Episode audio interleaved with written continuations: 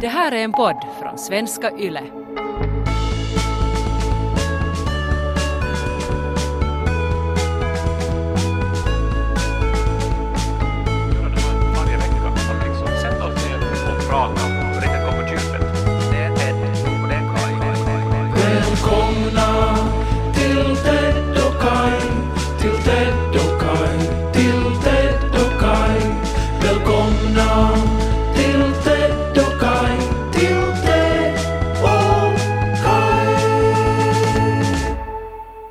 Det känns ju som att vara på någon sorts café i Rödbergen.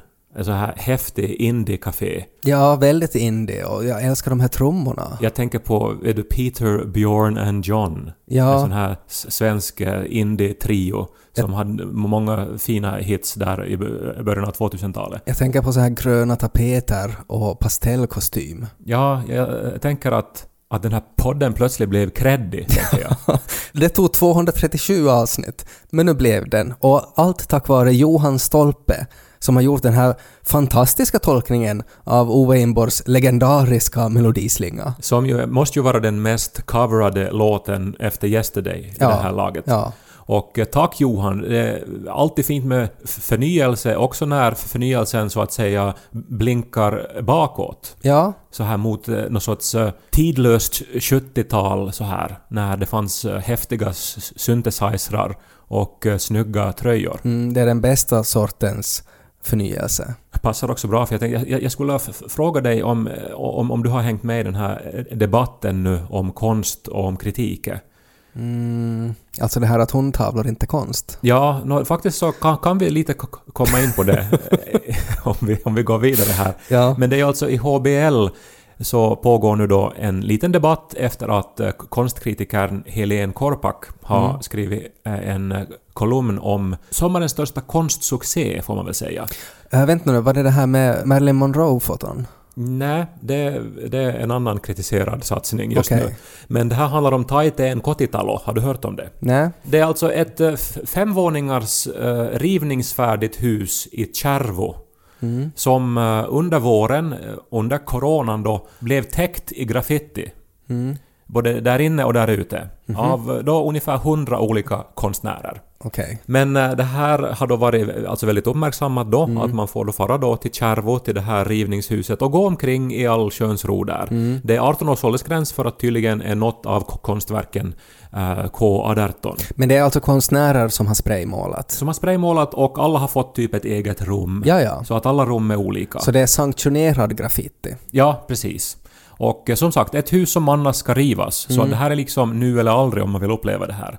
Jag och Ni- Nico hörde ju om det här då i början av sommaren och tänkte då att det här är ju perfekt nu för den här sommaren eftersom man ju ska resa i hemlandet rekommenderas det ju. Mm. Och eh, vi var då på väg dit men har ännu inte eh, tagit chansen faktiskt att ta tåget till Tjärvo. Att ta tåget till Kärvo låter lite som att, att man ska ta livet av någon.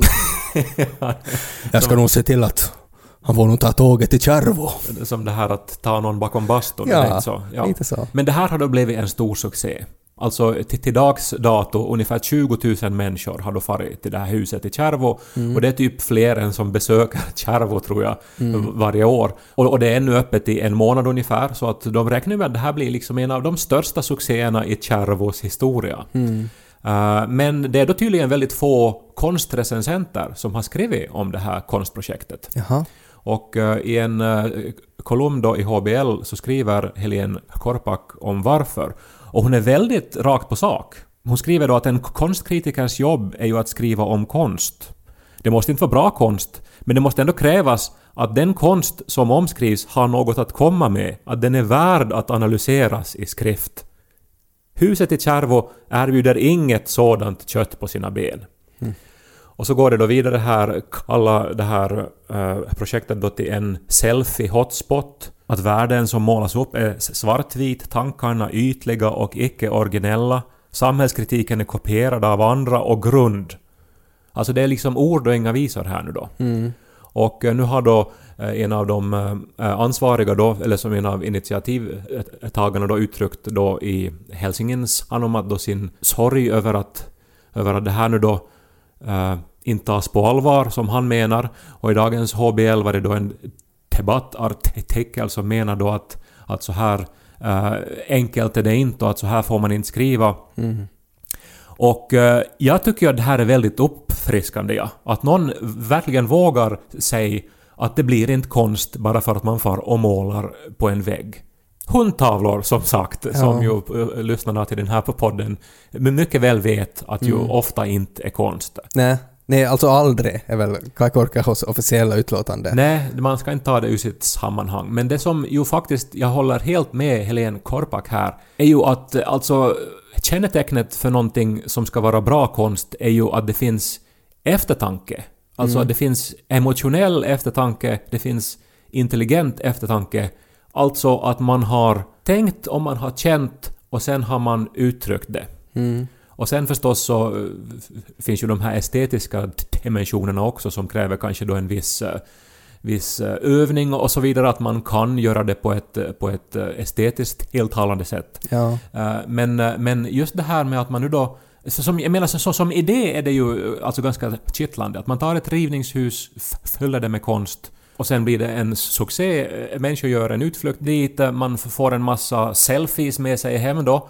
Eh, Och, och så sprids det här på so- so- sociala medier och sen så lockar det ännu fler människor dit. Och, alltså, eh, det, det är ju som en utflykt, eh, så, Ja, så att men- säga. Men alltså hon, hon tycker då att det inte är tillräckligt bra, den här konsten. Alltså att det är det som är problematiken. Ja, eller man läser ju mellan raderna här att det är värdelöst. Men kan det inte då vara, alltså om man tänker då att, att så här graffiti i allmänhet är ju någonting som kanske lockar mer ungdomar än, än Helena Korpakar, eh, så, så kan man inte också se det här som ett, ett värde i det här att det kan ju vara en inkörsport till lite tyngre konst. Ja. Alltså sådär att, det kan ju vara för många kids kan ju det här vara första konsttillställningen som de besöker och då kan ju det vara ett värde i sig. Ja, men hon menar ju då också att eh, om det här nu du ska utge sig för att vara graffitikonst så är den då alltså respektlös mot graffitins historia då, som ju är, är en alternativ samhällskritisk konstform som har gjorts så här underground och i smyg av aktivister oftast. Finns det någon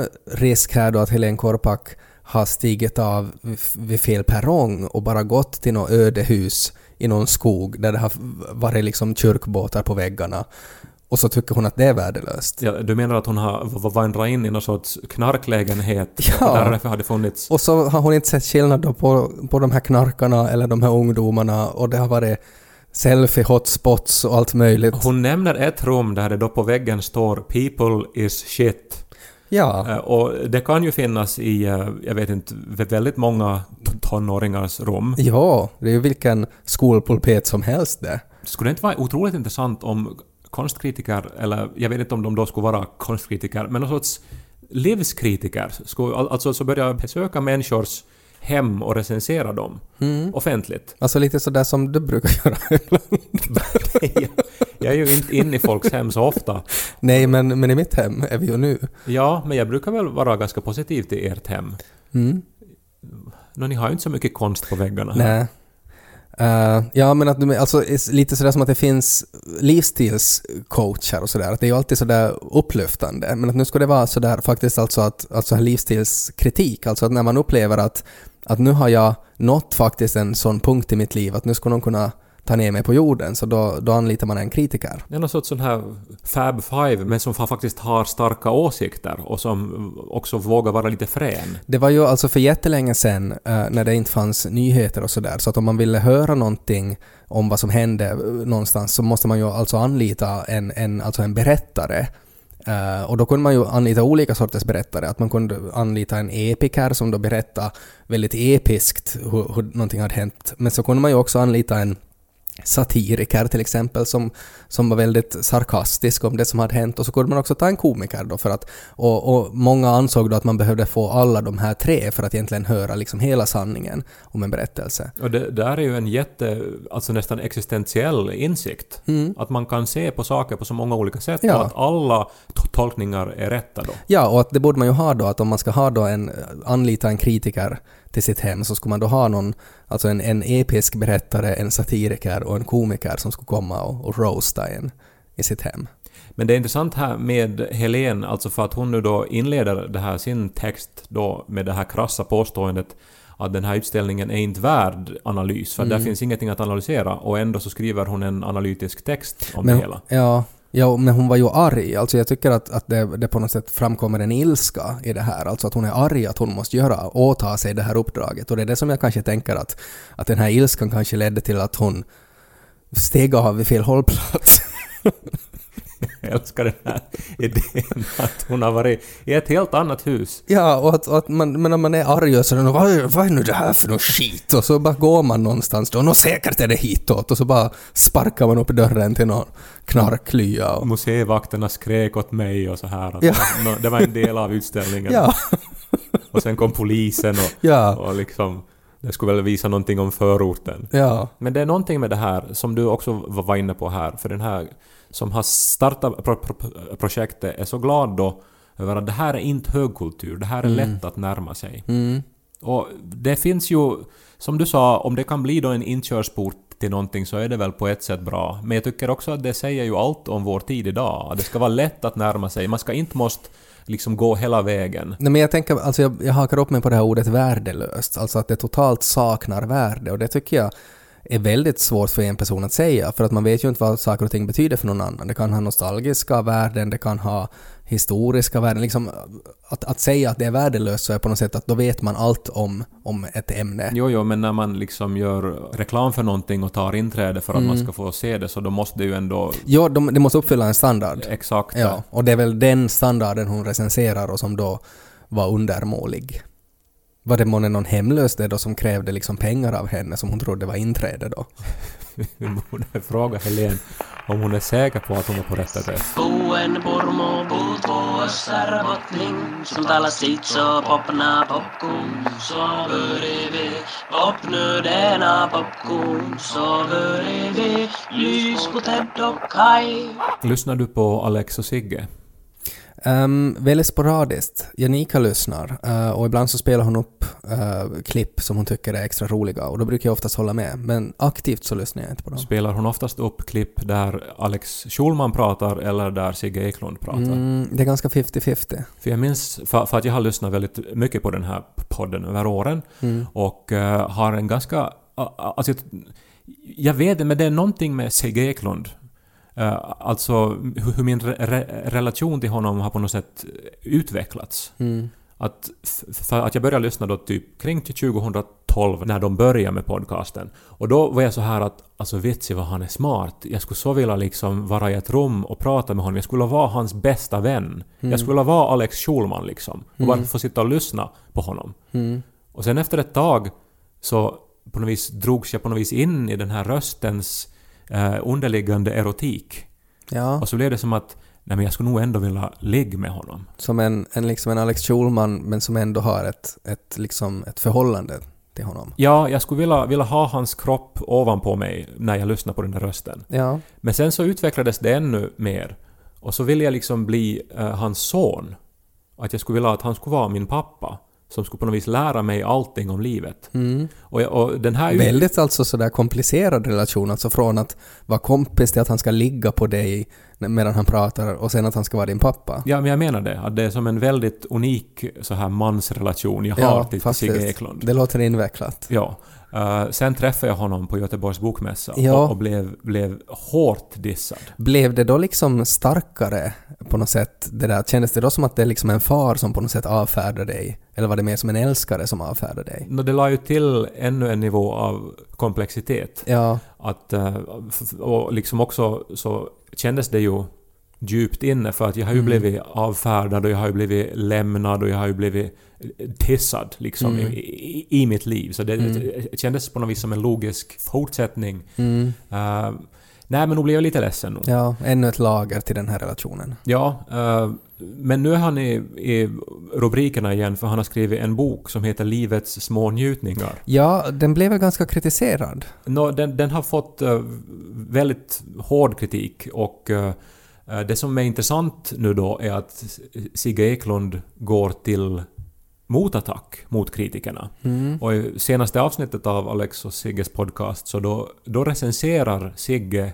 recensenten. Just det. och ger re re recensentens liv två stjärnor av fem och menar att det är liksom ett onödigt liv och att han har inte åstadkommit någonting.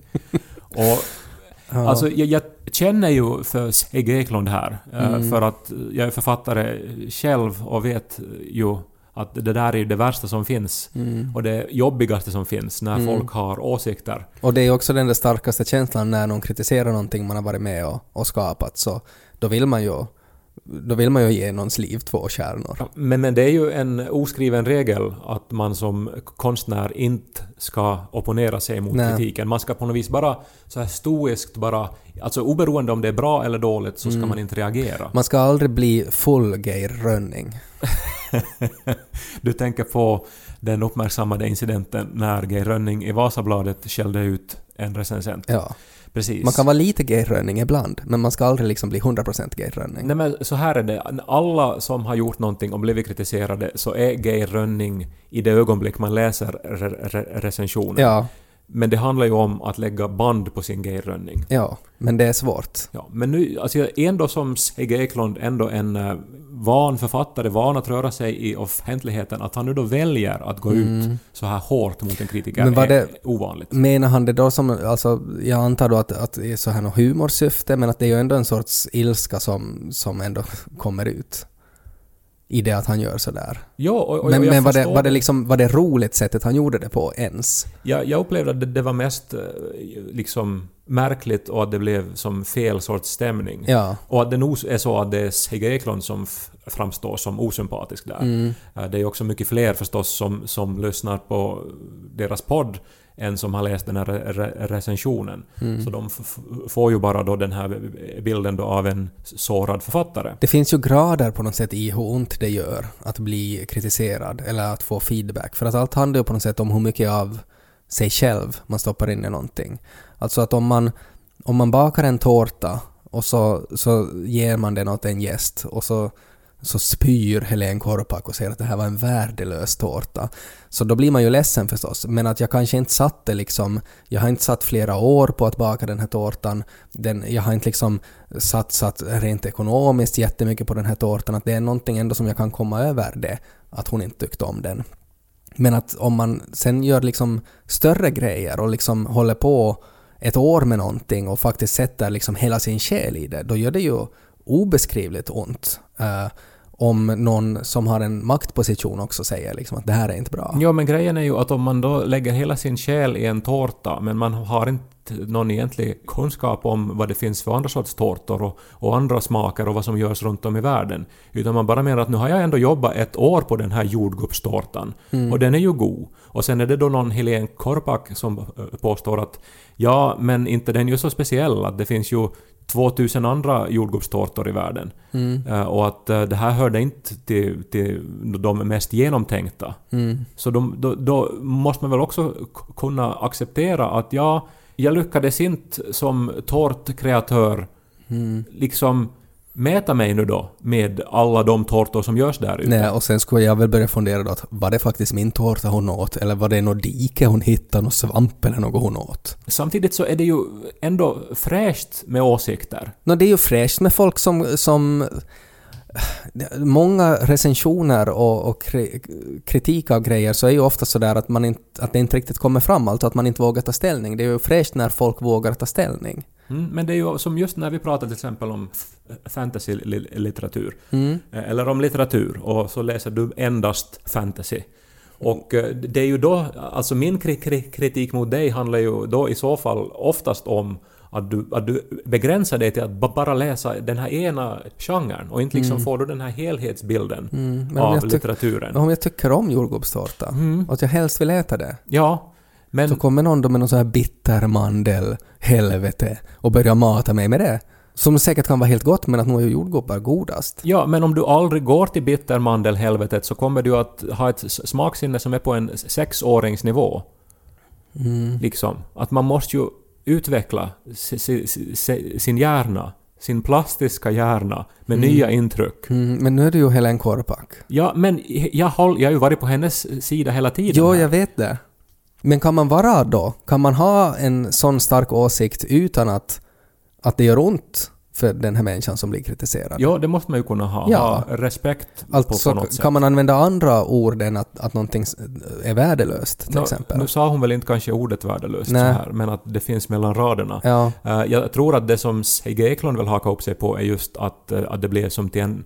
eh, Alltså att han upplever att de inte har re- recenserat boken utan honom som Mm. person. ja. Och Men ja, och det förstår jag ju också på ett sätt att jag menar han är väl, han är ju miljonär och bor i Los Angeles och så ger han ut en bok med liksom hur man ska njuta av livet så det är ju lätt att kritisera det också att någon som har det så bra ställt i livet kan fundera på de sakerna. Men det ska man ju kanske inte göra utan man borde ju se verket bara som sig själv. Och sen så skriver han väl då inte om såna här lyxnjutningar utan han skriver om såna som alla på något sätt då kan, kan dela. Liksom att man går i en, i, en, i en skog eller att man, man äter jordgubbar med grädde då. Det är väl en problematik i all kritik också att oftast så är ju de som agerar kritiker har inte personlig erfarenhet av att skapa det de kritiserar. Ja men det ska de inte ha heller. Nej men på ett sätt så upplever jag att, att då skulle folk vara mer nöjda. Att om det skulle vara liksom att någon som har målat i 40 år och det är liksom hen som på något sätt tar ställning till andra människors målningar. Så då skulle det vara lättare att vara så att ja men att den har ju faktiskt erfarenhet och vet ju faktiskt bättre än jag i det här ämnet. Det finns ju ett förakt mot utbildning idag. Så här kaiken maailman docentit och så vidare. Mm. Och spe- speciellt då när det handlar om någonting som många upplever som subjektivt, som en konstupplevelse, så, så blir ju den här kritiken då att vem är du att liksom påstå det här? Min Mm. upplevelse är väl lika viktig. Ditt liv får två stjärnor. Men grejen är ju då att din upplevelse är kanske inte så nyanserad och medveten om vad det finns att jämföra med. Mm. Någon som går in i ett liksom rivningshus och ri- målar hundar på väggen. Hur realistiska de här hundarna är, så, så, så, så är det antagligen skit om där inte finns den här emotionella och intelligenta eftertanken. Du bara utgår från att det inte finns eftertanke om det är hundar som någon har ritat. Nej men för att det är nu ett exempel vi har pratat om tidigare i den här podden. Jag har ju en gång skrivit en recension för Svenska Yle eh, om en bok som jag inte alls tyckte om. Och det var ju jätte, jättejobbigt. Alltså att skriva när jag visste alltså att det här är då en person som har jobbat länge med det här verket och, och tycker ju helt uppenbart att det här är jättebra och har till och med ett förlag bakom sig som tycker att det här är jättebra.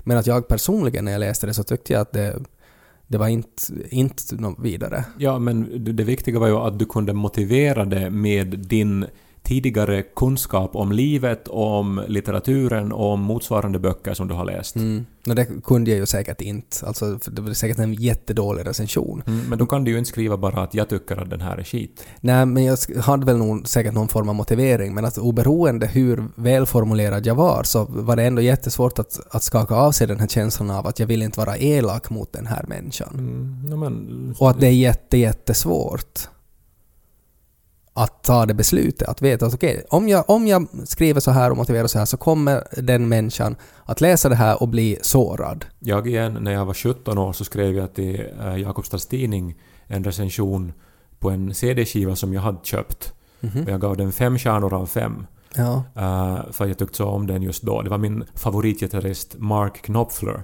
som hade gett ut en ny skiva. Mm. Och sen så pratade jag med eh, mannen som ägde CD-affären i Jakobstad och han tackade mig för att samma dag som min recension publicerades så hade han sålt slut på den skivan. För att människor hade läst min recension och rusat till affären. Ja. Då kände jag mig otroligt mäktig. Ja. Och att jag stod på Mark Knopflers sida. Ja, du sa till att, liksom, att Mark Knopfler skulle kunna liksom skulle kunna ge dig tummen upp nu att, att han, han får liksom bröd på sitt bord nu för att du har hjälpt folk att köpa. Men i efterhand, när jag har blivit äldre och lyssnat på mer musik och fått en sorts le- levnadsmognad som ännu fortfarande är under utveckling, men som är större nu än när jag var 17, Mm. eh, så eh, ser jag ju att inte är den här skivan värd fem stjärnor av fem. Så, är det ju. Helt, men är helt det- krasst så är den ju inte värd så mycket.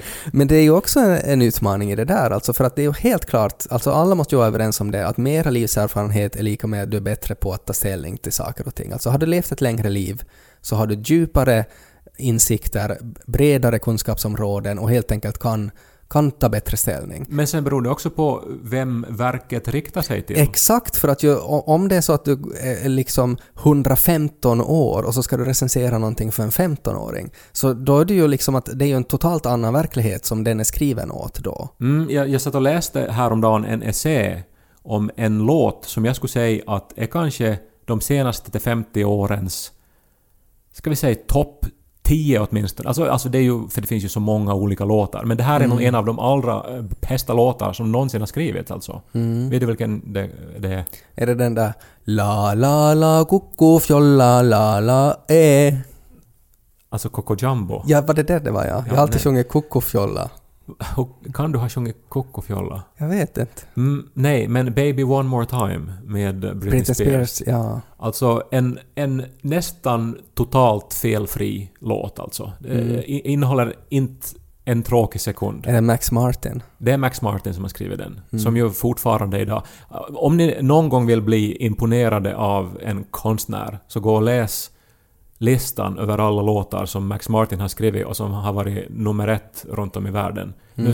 s- senast är det ju den här eh, The Weeknd, den här Blinded by the Light, eller vad heter den? Blinded by the kucku fjolla.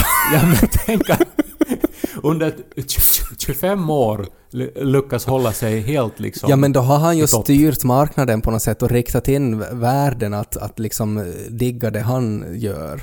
Då har man ju en sån otrolig eh, maktposition. Men Baby One More Time Mm. är ju alltså riktad till tonåringar. Mm. Alltså, och Britney Spears var ju, vad, var hon, 15 när den kom. Mm. Och, och det här, den lyckas ju då med sin text, alltså även om det är skriven av en medelålders man, så, så liksom lyckas den ju eh, exakt tilltala tonåringar, åt, Mm. åtminstone då när den kom. Ja. Och eh, då kan ju inte kritikern kritisera den som ett verk som försöker säga någonting allmänt om, om hur det är att vara människa, Mm. när den så uppenbart försöker beskriva exakt hur det är att vara tonåring. Mm.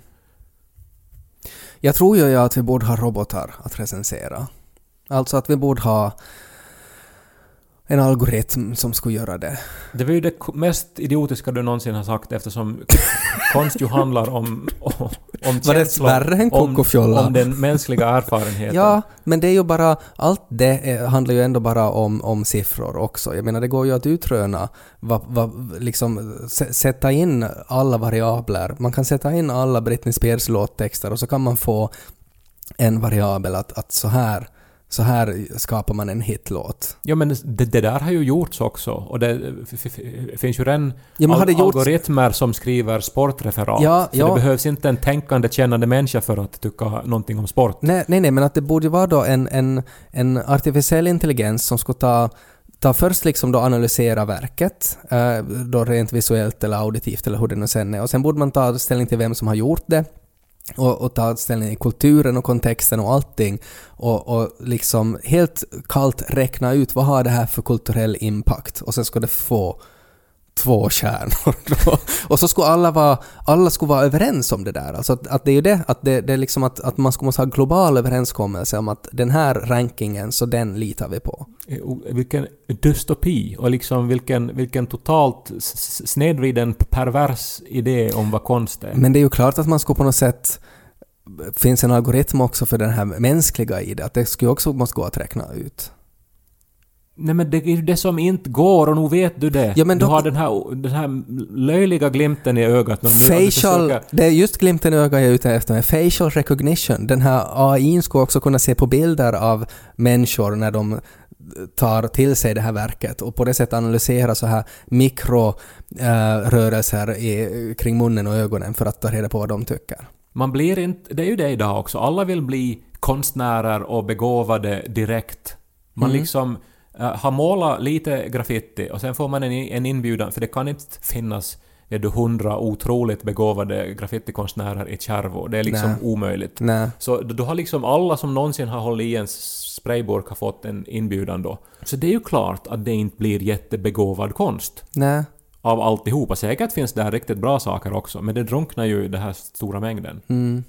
Fan, det krävs jobb för att bli bra på någonting. Det krävs insats, det krävs emotionellt hårt jobb för att göra bra konst. Så är det bara. Mm. Och inte ens då är det nödvändigtvis sa- sagt att det blir bra, för det finns Men också inte om, inte om Helen Korpak. Nå, va, vadå? Nej men för att det är ju också den aspekten att du satsar allt, sätter det emotionella hårda jobbet, men sen är det då, nå, då någon som ger det noll av fem och så är det ingen som får att köpa den CD-skivan den dagen. En- Och så skiter det sig för den konstnären. En kritiker måste ju vara objektiv. Så gott det bara- går. Men också informerad och utbildad. Ja. Artificiell intelligens. Oj.